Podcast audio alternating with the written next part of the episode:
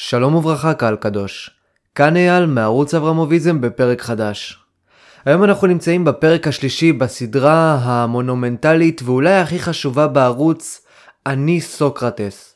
והיום אנחנו הולכים לדבר פעם נוספת, פעם 12 אני חושב על ניטשה. אני, אני מאוד אוהב את הפילוסוף הזה, אני מאוד אוהב את הרעיונות. שהוא מטיח על השולחן, אני אוהב את דרך הכתיבה, אני אוהב את הרדיקליות שיש במוחו המרהיב והיוצא דופן של ניטשה. וניטשה, חוץ מהמחקר המסיבי שהוא עשה על המוסר והבחינה שלו והניסיון שלו לבחון את הערך של הערך, כלומר את ערכו של הערך, וכך לבחון את ערכם של הערכים המוסריים, חוץ מהמחקר הזה, ניטשה נגע בעוד הרבה נכסי צאן ברזל בפילוסופיה, בעוד הרבה אקסיומות פילוסופיות, וניסה למוטט אחת-אחת. ואחת מהן אחת מהאקסיומות החשובות והגדולות ביותר בפילוסופיה היא כוחו של האינטלקט. אני נתתי שתי סרטונים מאוד מעניינים לגבי כוחו של האינטלקט, במיוחד הפרק השני שהוא ממש מציג את הטיעון שלי כנגד האינטלקט. זה פחות טיעון פילוסופי ויותר טיעון שמציג דרך חיים שונה וראויה יותר לפי דעתי, דרך חיים שלו. לוקחת את האינטלקט ומגביהה אותו לרמה אלוהית, מעלה אותו לרמה אלוהית, לרמה רמטכ"לית אם תרצו. לא, האינטלקט צריך להיות ברמה של טירון, והכוח, העוצמה הפיזית ברמה של סרן, והכוח והעוצמה בחיים, כלומר הנכסים, הכסף וכל השטויות האלה שאדם יכול להשיג בחיים שלו, ב... אה, אולי לא ברמת קל, כי זה הדבר הכי גבוה שיש, אבל בדרגת אה, אלוף, אם תרצו, אני לא יודע. ובפרק הזה אנחנו הולכים להציג טענה נוספת, כלומר טענות פילוסופיות כישרוניות יותר מבחינת האינטלקט לדעתי, כמובן אני אפשר להגיד פילוסוף מתחיל, דיאלקטיקן מתחיל לצערי, ושכמובן הולך לסיים את המקצוע הארור שהוא נכנס אליו, כי כמו שאמרתי זה יהיה מאוד פרדוקסלי, שמצד אחד אני אכנס ממש ואלחם באינטלקט, ומצד שני אני אלמד פילוסופיה. אני עוד מעט הולך להתנתק מהתחום הארור הזה, וכמו שאמרתי, ללמוד פעם בפילוסופיה עם הספרים שיש לי בבית. אבל זה לא הולך להיות התחום העיקרי שאני הולך לעסוק בו, אוקיי? אז עכשיו אנחנו הולכים להסתכל על פילוסוף אמיתי, פילוסוף חכם יותר, אולי לא חכם יותר, אני לא בדיוק בחנתי את uh, האינטליגנציה ביני לבין ניטשה, אבל uh, בעל ניסיון רב יותר ויכולות ורבליות מרשימות יותר והשכלה נרחבת יותר, זה אולי הגדרה טובה יותר לניטשה ביחס אליי, ואנחנו הולכים לבחון כמו שאמרתי את התקיפה חסרת התקדים שלו, באמת חסרת התקדים, על האינטלקט, על הרמה הכי גבוהה של השכל. אתם יודעים, פעם, בעבר, בימי אריסטו, שפינוזה אפילו, תראו איך קפצנו אלף שנים. תומאס אקווינס יימח שמו וזכרו. אה, קאנט, שפינוזה, כל אותם אנשים, כל אותם אינטלקטואלים גדולים, לקחו את האינטלקט, לקחו את החוכמה והאמינו בכל ליבם שהחוכמה, האינטלקט והכוח האינטלקטואלי שלהם הוא זה שיביא אותם לאמת. הוא זה שיביא אותם להבנת הדברים בעולם ולהבנת האמיתות בעולם. זו הייתה התפיסה. אם היינו שואלים עכשיו את אריסטו, או עזבו, אם נשאל את קאנט, בואו נהפוך את קאנט לדמות ראשית בסדרה שלנו, כי דיברתי עליו בפרק השני ואני חושב בפרק הראשון, והוא לדעתי גם הפילוסוף שממש מגלם את השיעבוד הלא נורמלי והבזוי לאינטלקט, ואולי גם לציוויים מוסריים. אז אם עכשיו ניקח את קאנט ונשאל אותו מהו התפקיד העילאי ביותר של האינטלקט, הוא יגיד בדיוק את מה שאמרתי לפני. הוא יגיד לנו שהאינטלקט בסופו של דבר יותר מהיכולת להסיק מסקנות, יותר מהיכולת להתנהל בעולם.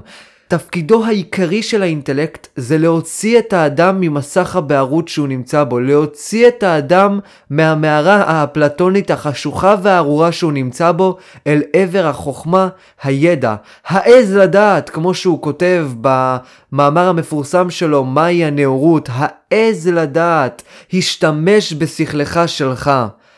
ואם נשאל אותו, איזה עם, איזה חברה, איזה מעמד סוציו-אקונומי, איזו קבוצה של אנשים יכולה לעשות טעויות עם האינטלקט שלה, הוא יגיד שזו תהיה קבוצה של מנקים ועמי ארצות למיניהם חסרי השכלה, שמשתמשים באינטלקט שלהם באופן לא נכון, ובמקום להשתמש באינטלקט שלהם למען פיצוח, והבנת האמת הנסתרת וחייב לגלות אותה מהמין האנושי, ההמון הארור והבזוי הזה מתעסק בשטויות ולא רוצה בכלל לפתח את ההשכלה שלו, ומתוך כך הוא לעולם לא יוכל להגיע לאמיתות הנשגבות הקנטיאניות הגדולות, אולי בתחום המוסר, השיפוט והאפיסטמולוגיה, כי אפשר להגיד שקאנט הוא גדול האפיסטמולוגים,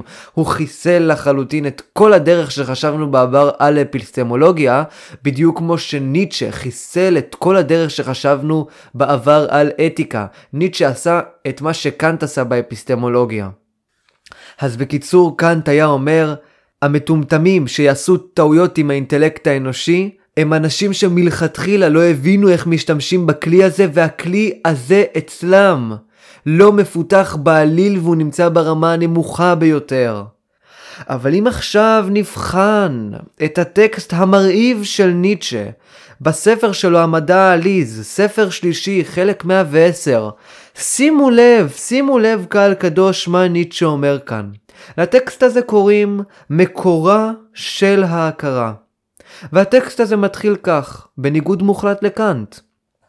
במרחבי זמן ארוכים למאוד מאוד, לא יצר האינטלקט אלא טעויות בלבד. עוד פעם, במרחבי זמן ארוכים למאוד מאוד, לא יצר האינטלקט אלא טעויות בלבד. האינטלקט האנושי לא יצר שום דבר חוץ מטעויות. כל פעם שהאינטלקט האנושי מצליח למצוא אמת מסוימת, זו טעות. כל פעם שהאינטלקט האנושי מגיע למסקנה מסוימת, זו טעות.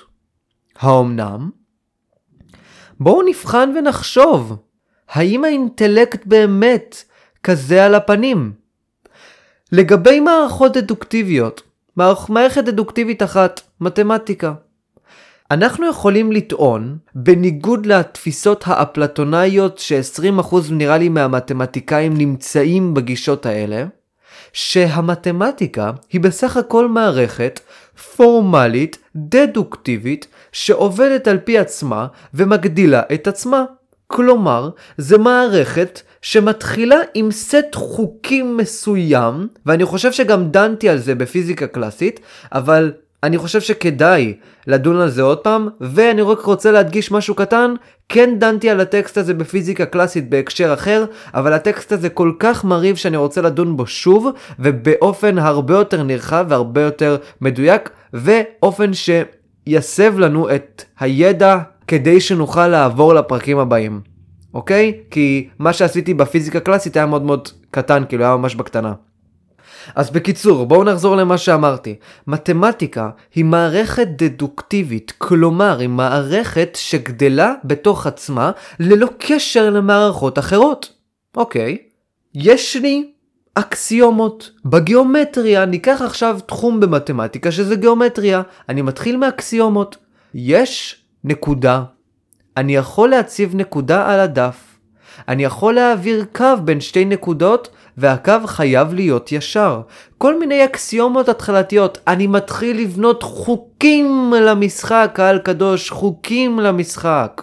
חוקים למערכת הדדוקטיבית, וכשאני אומר דדוקטיבית אני מתכוון למערכת שבונה את עצמה ונמצאת באופן חיצוני לעולם. מערכת שבונה את עצמה מחוקים התחלתיים כמו משחק. ברגע שיש לי את האקסיומות ההתחלתיות האלה, את הפוסטולטים, כמו שקוראים לזה במתמטיקה, אני מתחיל לגזור משפטים מהאקסיומות.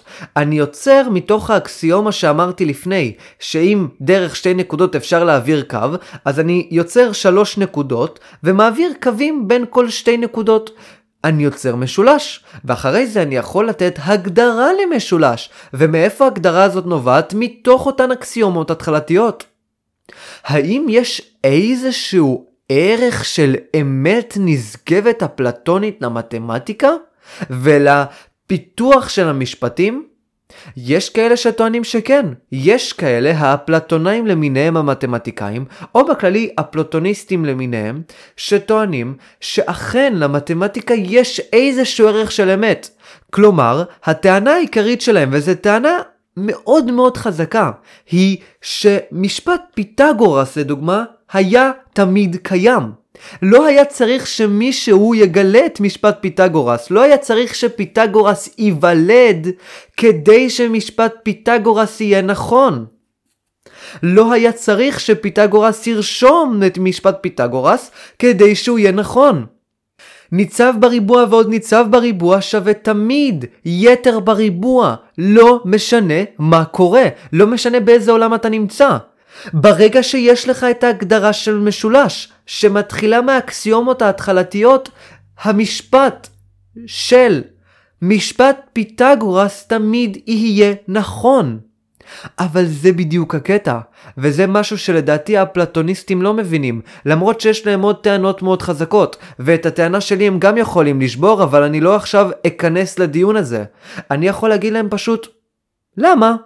ברור שזה נכון באופן קונטינגנטי, כלומר המשפט של משפט פיתגורס נכון למתמטיקה. אבל הוא נכון למתמטיקה רק בגלל שהיא בנויה כמו מערכת משחקית, מערכת דדוקטיבית, שבנויה על ידי אקסיומות שאני קבעתי מראש, ואחרי זה מתוך כך אני בונה הגדרות ומגיע למשפט הזה. אין שום ערך של אמת למשפט פיתגורס. משפט פיתגורס לא באמת נצחי. משפט פיתגורס הפך להיות נצחי ברגע שהצבתי את האקסיומות האלה. זה כמו שכל מהלך בשחמט הוא באיזשהו אופן נצחי ואפשר להתייחס אליו כמו משפטים במתמטיקה. אני מתחיל עם סט חוקים מסוים בשחמט, ואחרי שאני יוצר את הסט חוקים הזה, ואחרי שגם אני יוצר הגדרות שנובעות מתוך הסט חוקים הזה, כל המשפטים האחרים או המהלכים האחרים לא היו צריכים שיבוא אה, פישר שהוא אחד השחקנים הכי גדולים שהיו אי פעם בשחמט לא היו צריכים שיבוא פישר ויעשה את המהלכים האלה. המהלכים האלה כבר היו ידועים מראש מעצם האקסיומות השחמטיות. בדיוק כמו שמשפט פיתגורס היה ידוע מראש לכאורה בעולם הפלטוני לפני שפיתגורס כתב את משפט פיתגורס. כי להגיד שמשפט פיתגורס היה קיים ברגע שפיתגורס כתב אותו, זה מטומטם, ברור שהוא קיים לכאורה לפני, אבל קיומו הוא קונטינגנטי, כלומר קיומו קשור למערכת, אוקיי? קיומו הוא נכון על פי המערכת. משפט פיתגורס נכון, אבל הוא לא אמת, אוקיי? אני יכול להגדיר משחק חדש לגמרי, שאני אקרא לו אברמובטיקה, אוקיי? מתמטיקה זה אברמובטיקה. ובמשחק הזה אני יוצר סט של חוקים, ואחרי זה יוצא לי משפט אייל אברמוב לדוגמה, או משפט אברמוב, מתוך הסט חוקים הזה. המשפט אברמוב הוא לא אמת. אין באמת משפט אברמוב בעולם, אבל המשפט אברמוב הזה נכון בהתאם למערכת. זה מה שזה אומר קונטינגנטי, וזה למה קונטינגנטי היה יכול להיות אחרת בעולם. כי קונטינגנטי, כל ערכו של המשפט הקונטינגנטי, כלומר המשפט שקשור למערכת, זה שחייב להיות מערכת כדי שהמשפט הזה יהיה נכון. ולכן המשפט הזה לא באמת מייצג אמת. המשפט הזה הוא לא אמת, הוא בסך הכל נכון. משפט נכון. יש הרבה דברים שהם נכונים אם אנחנו מגדירים אותם לפני. אני מגדיר חוק במדינה, נכון לעשות ככה, לא נכון לעשות ההפך. האם זה אומר שהחוק הזה מייצג איזושהי אמת מוחלטת מטאפיזית שאלוהים קבע משהו? לא, זה בסך הכל משהו שאני קבעתי בטעות. או שאני קבעתי מתוך הרגל, או שאני קבעתי כי אני רוצה ליצור איזושהי מערכת חברתית מסוימת, תוססת וטובה יותר. אוקיי? ולכן זה נכון בשביל המערכת החברתית הזאת. ולכן, ניטשה אומר לנו כאן, האינטלקט האנושי לא יצר אלא טעויות בלבד. הרי מה שהוא נכון הוא לא אמת, הוא בסך הכל טעות.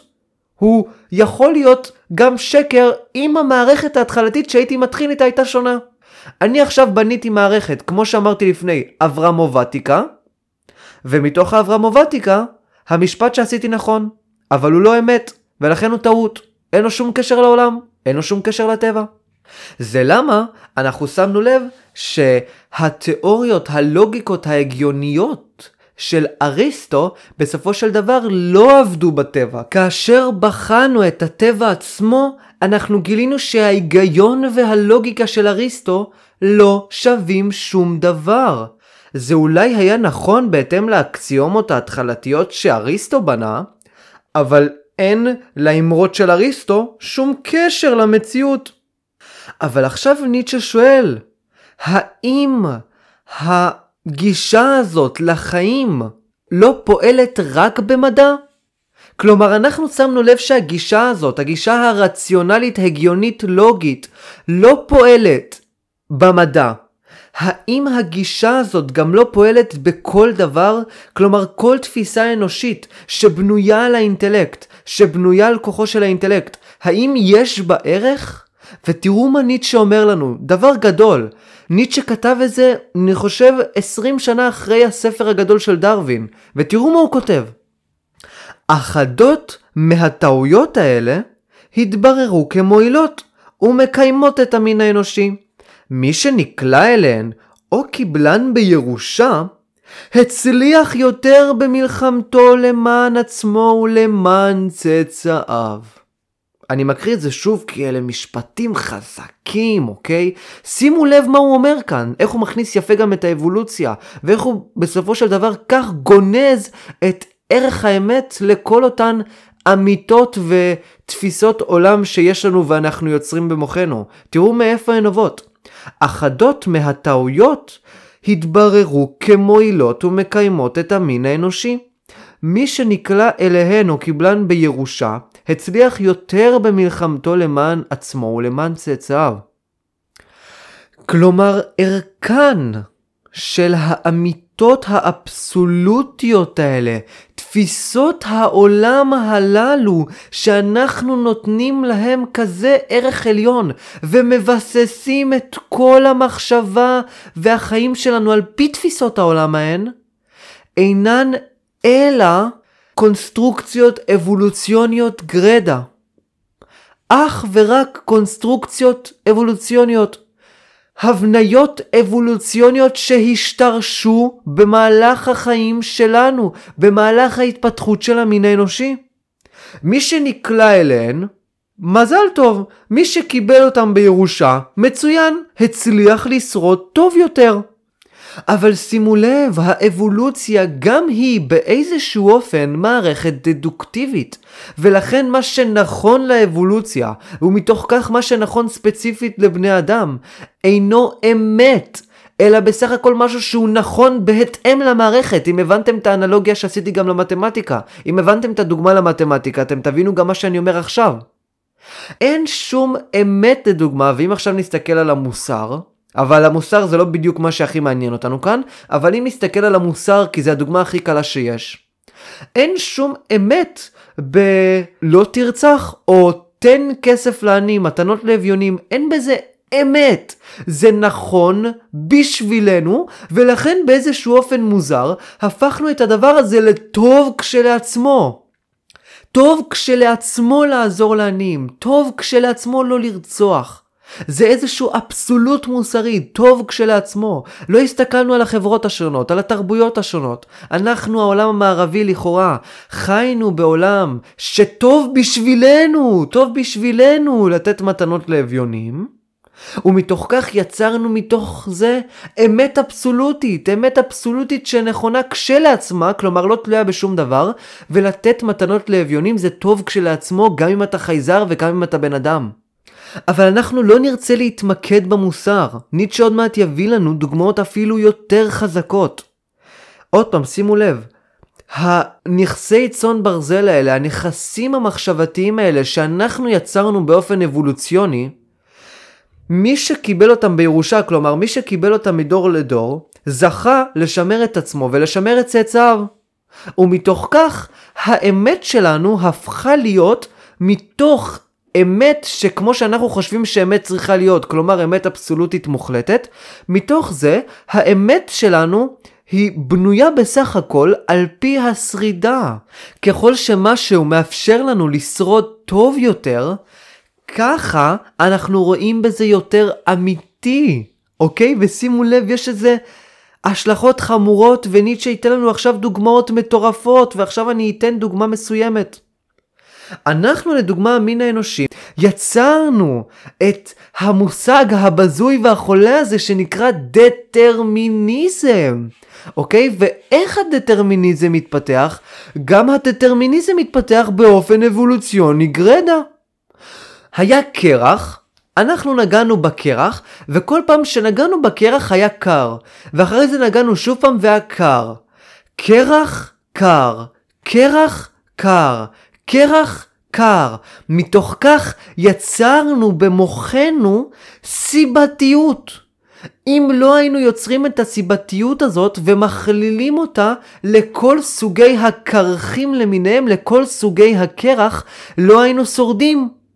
אם האדם לא היה מסוגל ליצור את הדבר הזה במוח, את הסיבתיות ואחרי זה את ההכללה, הוא לא היה שורד. כי כל פעם הוא היה נוגע בקרח אחר ונכנס לבריכות קפואות, ורק אחרי זה מבין שאסור להיכנס לבריכה קפואה.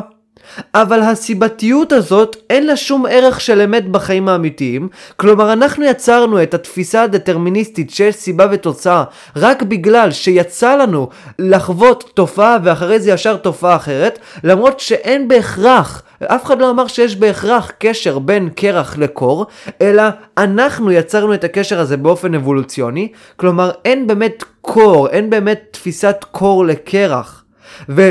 אף אחד לא הבטיח לנו שתמיד כאשר ניגע בקרח יהיה לנו קר, אז הנה, עכשיו יצרנו נכס, עכשיו יצרנו ערך חזק מאוד, שאומר שלגעת בקרח זה דבר רע, וזה יפגע בי, ואחרי זה אני לוקח את הדבר הזה, וגם עכשיו מתוך זה יצרתי את הדטרמיניזם, נכון? יצרתי את התפיסה הסיבתית, שמאוד תפגע בנו, לדוגמה, במכניקת הקוונטים, כי לא נוכל לקבל אותה, אוקיי? לא נוכל לקבל מצב שבו אין סיבתיות. כי לנו זה לא יהיה הגיוני. וברגע שעכשיו אני הכללתי את ההבנה הזאת שלי, הכללתי את ההבנה שקרח זה רע, קרח זה כואב, לכל סוגי הקרחונים, אני אפסיק לגעת בקרח. מתוך כך, אני יצרתי איזושהי אמת שקרח תמיד קר. קרח תמיד יפגע בי. האם קרח תמיד יפגע בי? לא בטוח. נכון? לא בטוח. אני יצרתי את האמת הזאת. ומהו הערכה של האמת? ערך אבולוציוני. הייתי חייב ליצור את האמת הזאת כדי לשרוד. אם לא הייתי יוצר את האמת הזאת, לא הייתי שורד. ומתוך הדבר הזה, ומתוך היכולת של האדם להבין אחרי כמה פעמים שהדבר הזה רע בשבילו, הוא יצר את הדטרמיניזם, את הסיבתיות, שגם לה אין שום ערך חוץ מערך אבולוציוני, כי אם לא היינו יכולים לעשות את הקשר הזה של סיבתיות, כל פעם היינו צריכים מלכתחילה ללמוד את הלקח, כלומר כל פעם היינו צריכים להיכנס לתוך מדורה כדי להבין שמדורה זה דבר רע, ומדורה אה, יפגע באדם, ומדורה זה לא טוב. או כל פעם היינו צריכים לגעת בפלטה של השבת, כמו שאני עשיתי כשהייתי ילד קטן, כדי להבין שפלטה זה דבר רע. אני זוכר ש... אה, בתור ילד קטן, נגעתי בפלטה ראיתי שזה חם, נגעתי עוד פעם בפלטה ראיתי שזה חם, ומשום מה לא הסקתי שבפעם השלישית זה יהיה חם, ולכן לקחתי את היד שלי ופשוט הדבקתי לפלטה, וכל היד שלי נכוותה, אוקיי? מצד אחד אתם יכולים להגיד שאני טיפש, שהאינטלקט שלי לא הצליח לפתח את עצמו מספיק כדי שאני אוכל להסיק שבפעם השלישית אני אחווה. מצד, של... מצד שלישי או שני, אני כבר לא יודע מאיזה צדדים, אני יכול להגיד לכם, למה הסקתם את זה? מי אמר שבפעם השלישית אני אחווה? למה? מי אמר? יכול להיות שפתאום הפלטה יצרה איזושהי שכבת מגן מעליה שמונעת קביעה. מי אמר? למה לא? מתוך כך, מתוך ההתנסות שלי בתור ילד קטן והגנטיקה, הסיבתיות הזאת תקועה לי במוח. כי אם לא תהיה לי סיבתיות, אני אחווה כל הזמן ואמות מאוד מהר. אוקיי? אני אמות מאוד מהר אם לא תהיה לי את הסיבתיות, אם לא יהיה לי את הדטרמיניזם הזה במוח. ולכן מאיזושהי סיבה מוזרה הפכנו את הדטרמיניזם הזה למשהו שפועל בכל העולם. כל העולם הוא דטרמיניסטי, כל העולם הוא סיבתי, הטבע הוא דטרמיניסטי, ואיינשטיין, הכסיל הנבער הזה, רק בגלל התפיסה האבולוציונית החולה הזאת, שהייתה לו תקועה במוח, לא היה יכול לקבל את מכניקת הקוונטים, בדיוק בגלל הבעיה הזאת, בגלל שהוא לא היה יכול להתנתק מהגישה הקלאסית שלו ליקום, הגישה הקלאסית שהוא קיבל בירושה באופן גנטי חינוכי, וגם בדרך שבה השכל בנוי, כלומר השכל בנוי באופן סיבתי. ועוד משהו שיצרנו זה ההכללה. התחלנו להכליל. הבנו שאם לא נכליל, אנחנו נמות. אם לא נצליח להכליל, נמות. כלומר, אם עכשיו יש אש אחת, סבבה? אש, מדורה, והיא תהיה לי ליד הבית, אז אני אגע בה כמה פעמים, מבין שזה חם, כי יש לי את עקרון הסיבתיות שטבוע לי במוח ומאפשר לי שרידה. סבבה, כל הכבוד. הצלחתי להסיק משהו אחד. אבל ההכללה לא בנויה לי במוח. העקרון ההכללה לא בנוי לי במוח. אוקיי? ולכן אחרי שאגע במדורה הזאת, אני אבין, סבבה, לא צריך לגעת במדורה הזאת. אני אלך אחרי זה למדורה שנייה, ואתחיל לגעת בה אלף פעם. עד שאני אבין שגם לא צריך לגעת במדורה הזאת. זה מסוכן. אבל אתם הייתם אומרים שההומו ספיאנס, החכם, הגיבור, תחילת הפאר של המין האנושי, הרגע שבו המין האנושי התפאר הוא בדיוק ביכולת שלו להכליל. ואז ההומו ספיאנס התפתח, ההומו ספיאנס הבין שהדרך היחידה שלו לשמר את הגנים היא אך ורק אם הוא יפתח גנים ש... ישלטו על המוח, כלומר ישפיעו על המוח ויבנו את עקרון ההכללה במוחנו, ולכן לדוגמה יכול להיות שהומו ספיאנס הם אלה ששרדו בניגוד לניאנדרטלים, ואחרי זה, בגלל שלהומו ספיאנס יש את עקרון ההכללה הזה בראשם, הם יפסיקו לגעת בכל מדורה שהם רואים. לעומת זאת, יכול להיות שהניאנדרטלים לא שרדו בגלל שהם לא הצליחו ליצור את עקרון ההכללה במוחם, ומתוך כך כל פעם שהם למדו פעם אחת שאסור לגעת במדורה, הם הלכו למדורה אחרת ונגעו בה. האם, ועכשיו אנחנו חוזרים לדבר החשוב ביותר, האם יש איזשהו ערך לעקרון ההכללה? לא. עקרון ההכללה בסך הכל התפתח במוחי בגלל שהוא מאפשר לי שרידה טובה יותר, בגלל שהוא מאפשר לי לשרוד. בגלל שהוא מאפשר לי לשמר את הגנים. אין שום ערך בעקרון ההכללה. מי אמר שהמדורה הזאת זהה למדורה האחרת? ועכשיו אני אתן לכם דוגמה מצוינת, דוגמה שהנרי יונגר, פרופסור הנרי יונגר, שראיתי את ההרצאות שלו, הרצאות מדהימות על ניטשה, הביא בהחלט דוגמה מצוינת שגם ניטשה כותב עליה, אבל הוא לא נותן את הדוגמה הזאת. וקודם כל אני אציג מה ניטשה כותב, אני לא אקרא את זה כי אין לי רשות, אבל אני אציג מה ניטשה כותב, באופן, אה, אתם יודעים, שלי, ואחרי זה אני אציג את הדוגמה של הנרי אונגר, ואחרי זה אתם תבינו איך עקרון ההכללה הציל אותנו, וכמה הוא חסר ערך מבחינת אמיתותו, מבחינת האמת שהוא יכול להפיק, מבחינת היכולת של העיקרון הזה להפיק איזושהי אמת בעולם. אוקיי? והטקסט הזה שניטשה כתב, ועכשיו נתחיל עם הטקסט, הוא טקסט שהוא ישר כתב אותו אחרי פרגמנט 110 שאנחנו דנים בו עכשיו, והוא הפרגמנט 111 שבו הוא מדבר על ההיגיון. מאיפה ההיגיון של המין האנושי, איך ההיגיון של המין האנושי נוצר? זה מה שהוא שואל, זוהי השאלה הגדולה. כלומר, האם ההיגיון הוא זה שלפחות מאפשר לנו להשיל את עצמנו מהמושגים והעקרונות האבולוציוניים האלה שיצרנו במוחנו, והאם הוא יכול לאפשר לנו בסופו של דבר להבין את המציאות, להבין אותה באופן עילאי יותר. האם ההיגיון שלנו משקף נכונה את המציאות? האם ההיגיון שלנו הוא כלי מספיק טוב כדי להבין את המציאות? אלה השאלות הגדולות. איך ההיגיון התחיל והאם הוא מספיק טוב? האם ההיגיון מאפשר לנו את ההבנה של המציאות? וניטשה מתוך כך אומר דבר מאוד מעניין. קודם כל, ההיגיון שלנו הוא היגיון אבולוציוני, ולכן ההיגיון לא הגיוני. נתחיל עם זה קצת מצחיק, אבל ההיגיון לא הגיוני. אני לא הולך להיכנס להיגיון נפרד מעובדות, אני עשיתי על זה הרחבה שלמה בפיזיקה קלאסית בפרקים הראשון והשני, אבל אני כן הולך להציג לכם דוגמה נוספת, לא דוגמה מהעולם המדעי.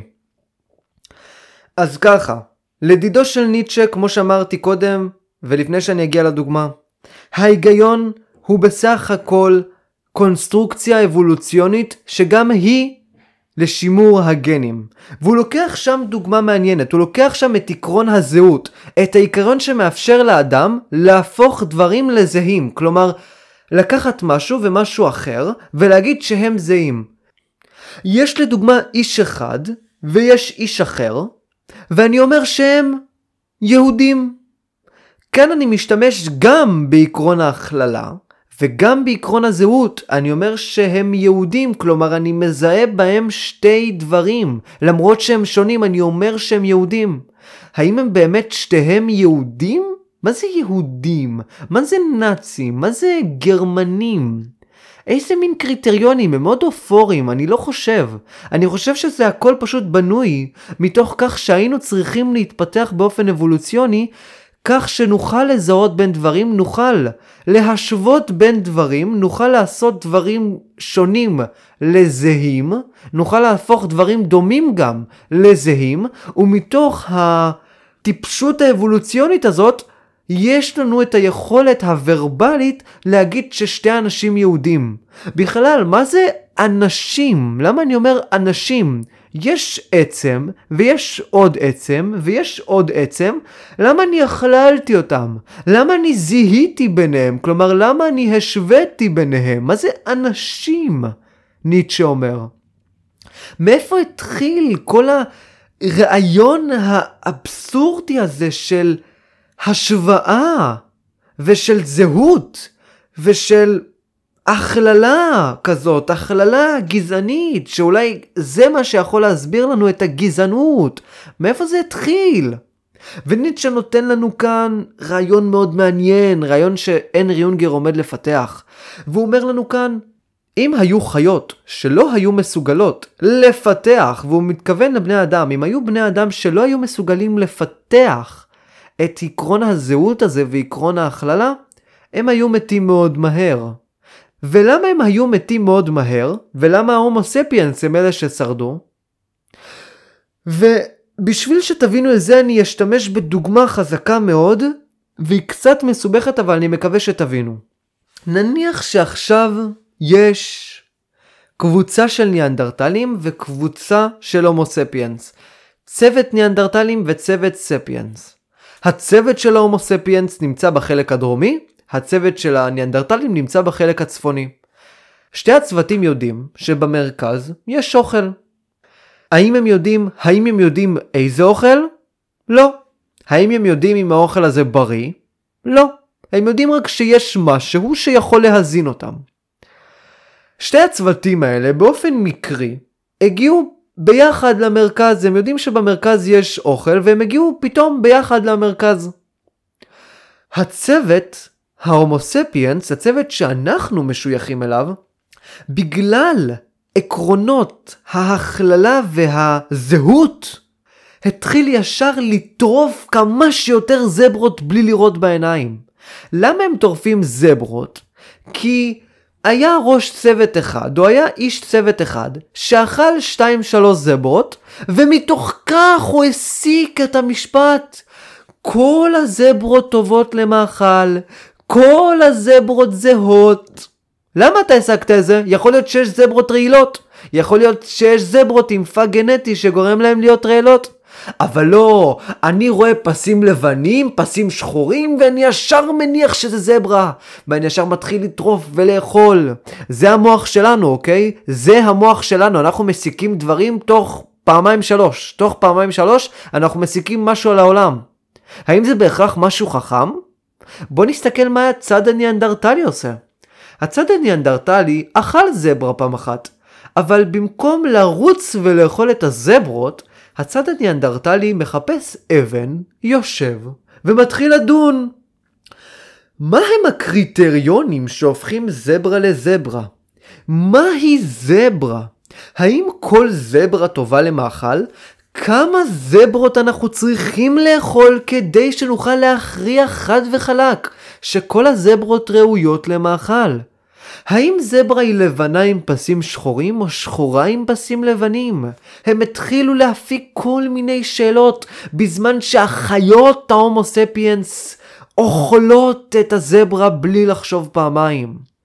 עכשיו, אם נסתכל בדיעבד, נראה שכל הניאנדרטלים מתו, כל הצוות של הניאנדרטלים מת. למה? כי הם פשוט לא אכלו אף זברה, מתוך כל השאלות האלה, ומתוך הניסיון שלהם להפריך ולזלזל בעקרון ההכללה והזהות ההומו ספיאנסית החייתית והבזויה והעלובה שלא מייצגת שום אמת בעולם. ההומו ספיאנס לעומת זאת, חלקם מתו, ולמה חלקם מתו? בגלל שהם אכלו בטעות איזושהי זברה רעילה, אבל 99% מההומו ספיאנס אכלו זברות כשרות למאכל וטובות למאכל. איזה יופי.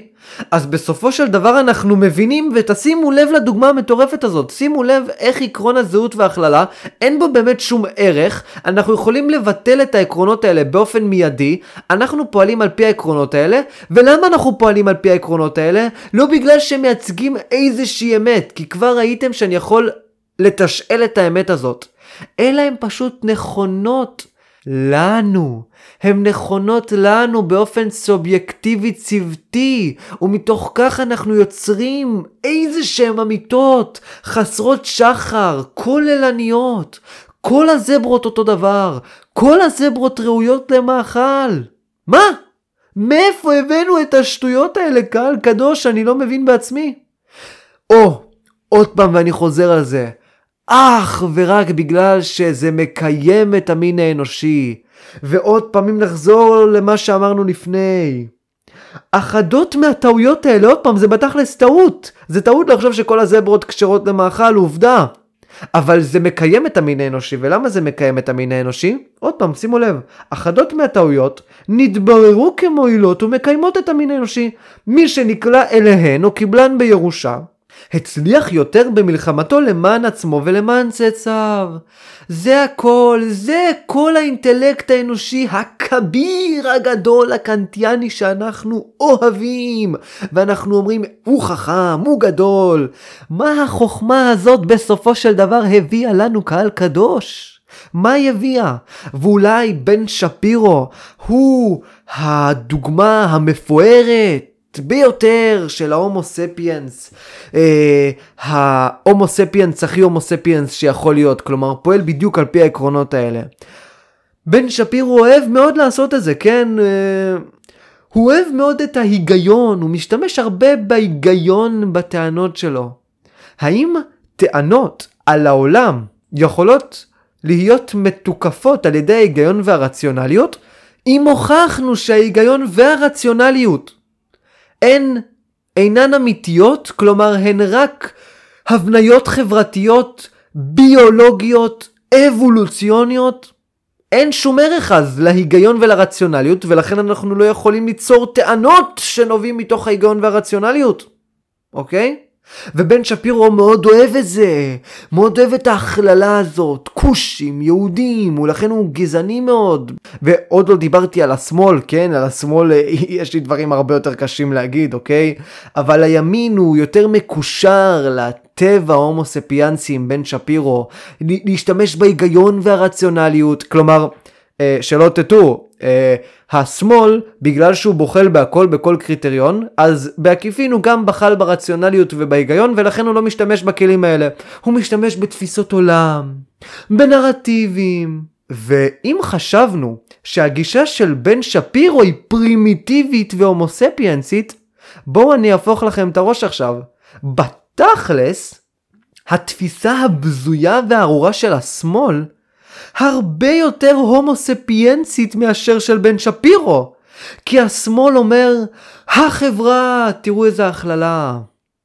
כל בני האדם שווים, תראו איזה הכללה, קהל קדוש וגיבור. זכויות אדם לכל אדם באשר הוא אדם. כל בני אדם שווים, כולם שווים, לכולם יש זכויות, לא משנה אם אתה גבר, אישה, גר, יהודי, גוי, רשע, לא משנה שום דבר, לכולם יש זכויות, כי כולם בני אדם, שימו לב להכללה הגזענית הזאת לכאורה. אנחנו רואים את בן שפירו כגזעני, אבל אולי השמאל אפילו יותר גזעני, לא בזה שהוא מחלק בין קבוצות בחברה, לפחות לימין יש את היכולת להבדיל, לא להפוך את כולם לזהים. אצל השמאל כולם זהים, כולם בני אדם. ובתכלס אנחנו רואים שגם הימין וגם השמאל מאוד מפגרים, אוקיי? אם שנייה נחזור לימין, עם הסרט הסוג של מטומטם של בן שפירו ומט וולש, מהי אישה? What is a woman? בסרט הזה, מת uh, וולש מגיע לאיזה פרופסור למגדר או משהו, איזה מקצוע חרטא באוניברסיטה, כל המקצועות הלא חשובים שיש באוניברסיטה, מגיע לאיזה פרופסור למגדר, והוא יושב ככה בכיסא עם הפרופסור ומתחיל לתשאל את הפרופסור. ואחרי זה הוא שואל את הפרופסור, בסופו של דבר, כי הוא פרופסור שחוקר נשים וכל החרא הזה, מהי אישה?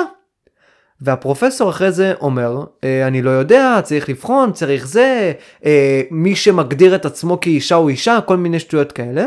ואחרי זה, מת וולש אומר משהו מאוד מטומטם, משהו שמצדיק וממש מפליל אותו כמישהו ששייך לזרם ההומוספיאנסי. מת וולש אומר, אני לא רוצה שתיתן לי פסאודו הגדרה, או אל תיתן לי הגדרה. או תנסה לעקוף את ההגדרה הזאת מכל מיני כיוונים. אני רוצה את ההגדרה, ההגדרה בה"א הידיעה, הגדרה מוחלטת למה האישה. או מת וולש, טיפשול שכמוך, איך הפללת את עצמך כהומו ספיאנס עכשיו. רוצה הגדרה לאישה, כל הנשים זהות, יש קריטריונים שפועלים עבור כל אישה ואישה שמגדירים אותה כאישה. עכשיו, עוד פעם, שלא תבינו לא נכון, אל תראו את עצמי כאיזה שמאלן עלוב חולה, השמאל הרבה יותר גרוע בפער מהימין. אוקיי? אבל גם הימין הוא מאוד פרימיטיבי ומטומטם. ואם עכשיו אני אגיד מי יותר מטומטם זה במאה אחוז הימין, כן? למרות שהשמאל לא נותן לנו אלטרנטיבה טובה יותר. ולכן ההכללה הזאת, הזהות הזאת, a definition, I want a definition, אני רוצה הגדרה לאישה.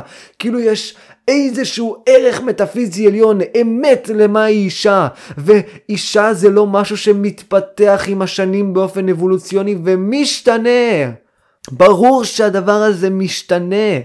פעם היה רק נשים שתדעו, וזכרים רק נבראו דרך הנשים, סבבה? זה היה איזשהו, כל מיני מנגנונים כאלה, אני לא אפרט. סבבה? הזכרים גם בתכלס היו פעם הלא טובים, כלומר, הם היו חרטא, הם היו אה, איזושהי פסולת גנטית, אם תרצו לקרוא לזה. אה, והנשים, הנקבות הן היו החזקות, הנקבות הן היו השלטות, הנקבות אה, ריבו את עצמם, כלומר ההפריה הייתה נקבות עם נקבות ונקבה אחת לחוד ש, שמכפילה את עצמה ומשכפלת את עצמה. ורק אחרי זה נוצרה הנקבה שאנחנו מכירים, ההומו ספיאנס הנקבית. וכאשר מת וולש אומר אני רוצה a definition, אני רוצה a definition, הגדרה, הוא בדיוק חוטא במה שניטש אומר לנו שזה טמטום. גם חילונים, גם פיזיקאים גדולים, איינשטיין חטא חטא נוראי כאשר הוא טען שהוא, שהוא ולא אחר יודע מהו טבעו של העולם, ממה העולם עשוי ומהם החוקים המטאפיזיים של העולם. כלומר שיש חוקים של העולם ויש עוד חוקים מטאפיזיים שאומרים לעולם איך להתנהג. ואחד מהחוקים האלה הוא הדטרמיניזם הארור ש... איינשטיין לא היה יכול לקבל אותו, לא היה יכול לקבל שאין דטרמיניזם בעולם, וזה גם בגלל שפינוזה וזה גם בגלל החוסר יכולת של איינשטיין להתנתק מהתפיסה שבסופו של דבר כולה נובעת מתוך האבולוציה. ואיינשטיין לא היה יכול לקבל ש... יש משהו שמתנגד לאבולוציה באיזשהו אופן. וניטשה גם כותב על זה באופן מאוד מאוד מצחיק. איינשטיין לא היה יכול לקבל את זה שהעולם בסופו של דבר, שהאמת המוחלטת שאנחנו חשבנו שהיא אמת כמו שאנחנו חשבנו, היא שונה ממה שהאבולוציה הכתיבה לנו. איינשטיין לא היה מסוגל לקבל את זה שהאמיתות האבולוציוניות שונות מהאמיתות של העולם. לא היה מסוגל לקבל. היה לו מאוד קשה עם זה. הוא חשב שהוא יודע איך העולם צריך להתנהג. למה הוא יודע? בגלל שבאופן אבולוציוני הוא התפתח ככה. אז מה זה משנה? כלומר, שימו לב איך התפיסה הזאת הייתה תקועה במוחו של איינשטיין. שימו לב איזה הומו ספיאנס היה איינשטיין. וגם ניטשה כותב שברגע שיש מלחמה בין האמת לבין האבולוציה של האמת, סבבה? כלומר, האמת האבולוציונית, האמת שנובעת מתוך האבולוציה, האמת הקונטינגנטית, דדוקטיבית, יהיה לנו מאוד קשה לקבל את האמת הלכאורה מוחלטת, למרות שגם בה הוא באיזשהו אופן בוחל, ובכללי ניטשה טוען שלא בטוח שיש בכלל אמת. כלומר, לא בטוח שיש את האמת הזאת שאנחנו מחפשים, והכל זה רק פרספקטיבות לגבי העולם, לא נרטיבים אלא פרספקטיבות, ולכן אולי לא נוכל בכלל לדעת את האמת. או שיש אמת, הוא לא שולל את זה, כי זה לא אה, כמו הפוסט מודרניזם, ששם זה רלטיביזם, פה זה פרספקטיביזם. ולכן הוא אומר, יכול להיות שיש אמת, אבל אין לה שום קשר למין האנושי, כי אנחנו נמצאים במצב של פרספקטיביזם, נקודות מבט משתנות, בהתאם לסט הערכים האבולוציוני אה, חברתי שאנחנו משתמשים בו, ואנחנו לא יכולים לעולם להתנתק ממנו. אוקיי? אז כמו שאמרתי לפני, ברגע שהאמת הלכאורה מוחלטת מתנגשת באמת שאנחנו מכירים מהבית, ומהי האמת שאנחנו מכירים מהבית? סיבתיות, אה, שיש דברים שמצויים בעולם הזה, שיש חומרים, שיש גופים, שכאשר עצם מופיע מולנו, הוא מופיע במהותו ואנחנו יכולים להבין את המהות של העצם על ידי בחינה שלו, ועוד כל מיני דברים וגישות שהתיקוף היחידי שלהם הוא אבולוציה ולכן אין להם באמת תיקוף. אז ברגע שמגיעה האמת והיא מתנגדת באיזשהו אופן למקור, למה שאנחנו מכירים ואוהבים מהבית, אז אנחנו פשוט לא מוכנים לקבל את האמת הזאת, לא נוח לנו איתה. היא מתנגדת לכאורה לאבולוציה שלנו, וזה מחרפן אותנו.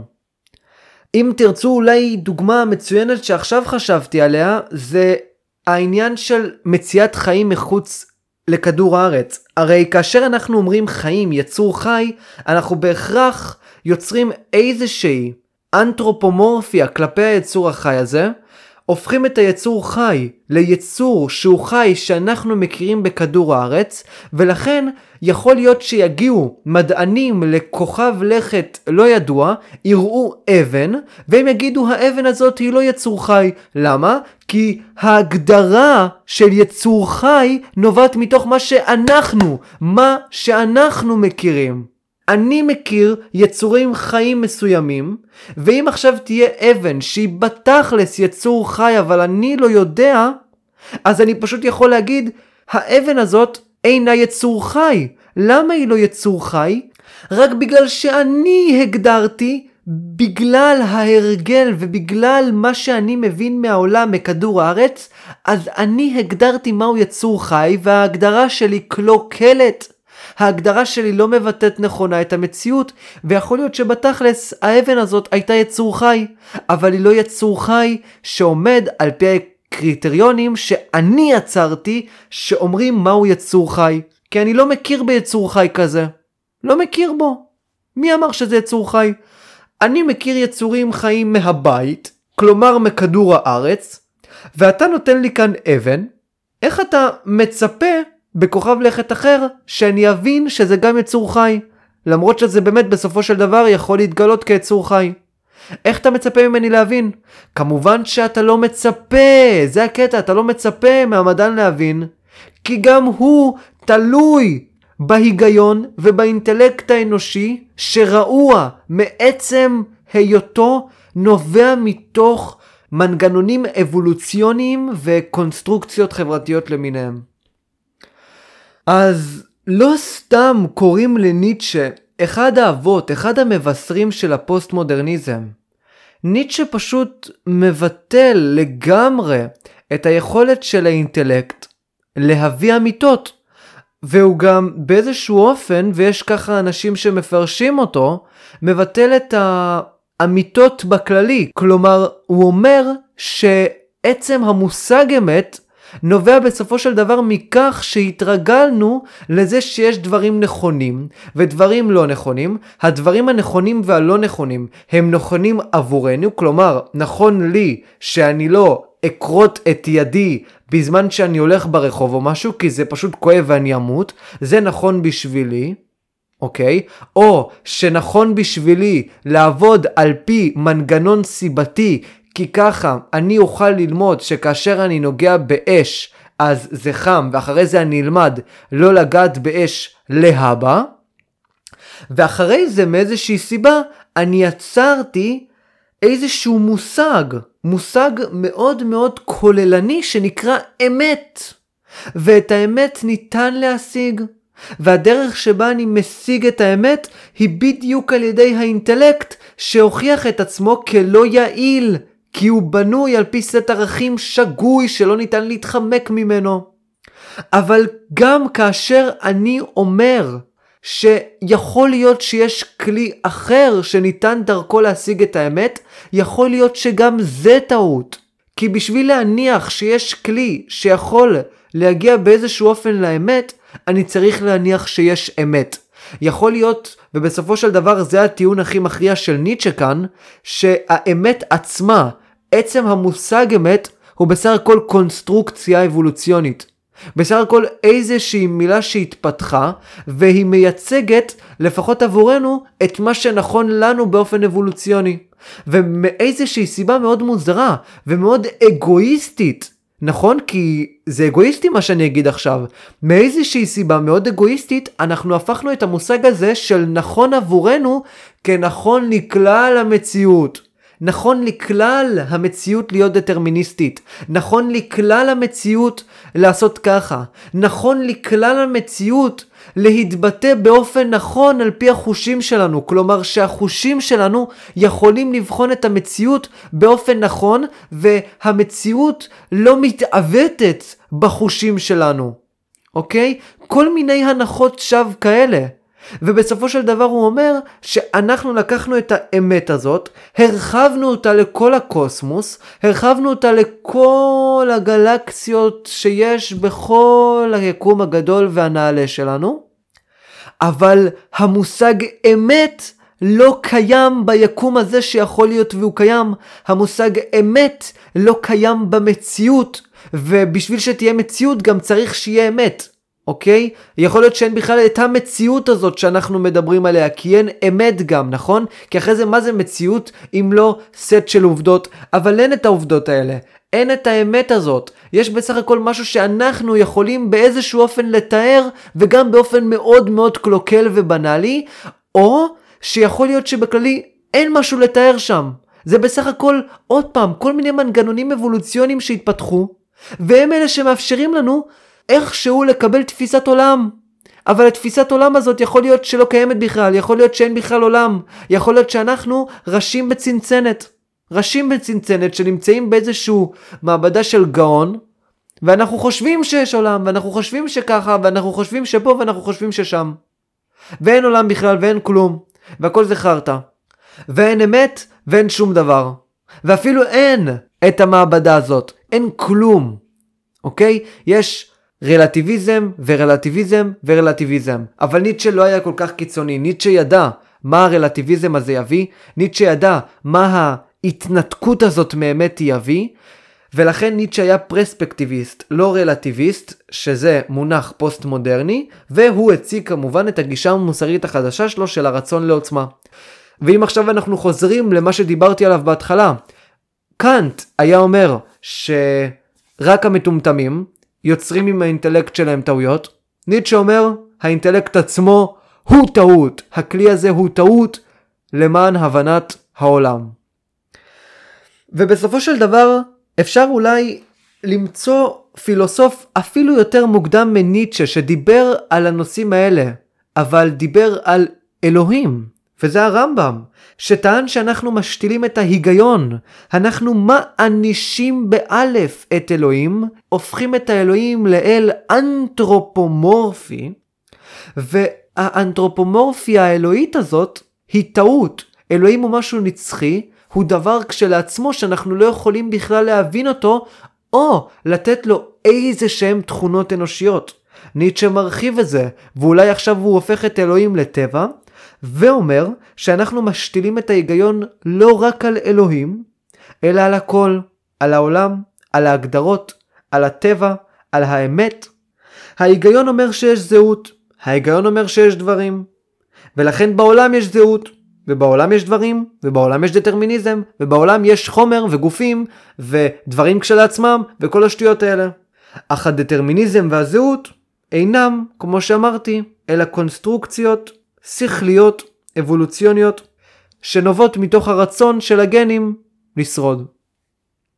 שימו לב, אני הורדתי מעט את האינטלקט מרמה אלוהית לרמה של כלי, אבל ניטשה לוקח את האינטלקט ומוריד אותו מרמה של כלי לאיזשהו מנגנון אבולוציוני דפוק שאין לו שום קשר לעולם הזה, ולכן האינטלקט מרמה של כלי הופך להיות ברמה של כלי זוטר או אמצעי מאוד מאוד בזוי או בכלל לא אמצעי.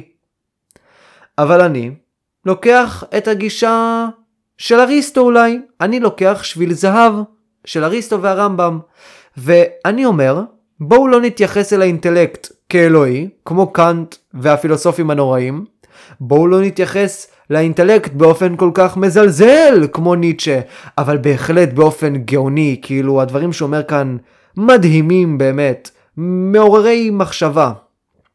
בואו נתייחס לאינטלקט ככלי למען התחזקות בעולם הזה. הרי האינטלקט לפחות הוכיח את עצמו כטוב עבורנו. אולי הוא לא יכול לתת לנו אמיתות על העולם? אבל הוא בהחלט יכול לעזור לנו לחיות חיים משמעותיים, חיים מלאי עוצמה, מלאי כוח, מלאי אינטנסיביות, קהל קדוש. אז בואו נשאיר את האינטלקט במצב הזה, ונמשיך לפרק הבא. הפרק שהולך לעסוק סוף סוף, סוף כל סוף, בסוקרטס האמיתי, סוקרטס הדמות, ובמחלה הפילוסופית שהוא השאיר מאחוריה. אז תעשו sub, תלחצו על הפעמון, תעקבו אחריי בספוטיפיי, תדרגו אותי חמש כוכבים בספוטיפיי, באפל, בכל החרא הזה, ונשתמע. אין תקציב לאוטרו, ואין יותר ביי ביי.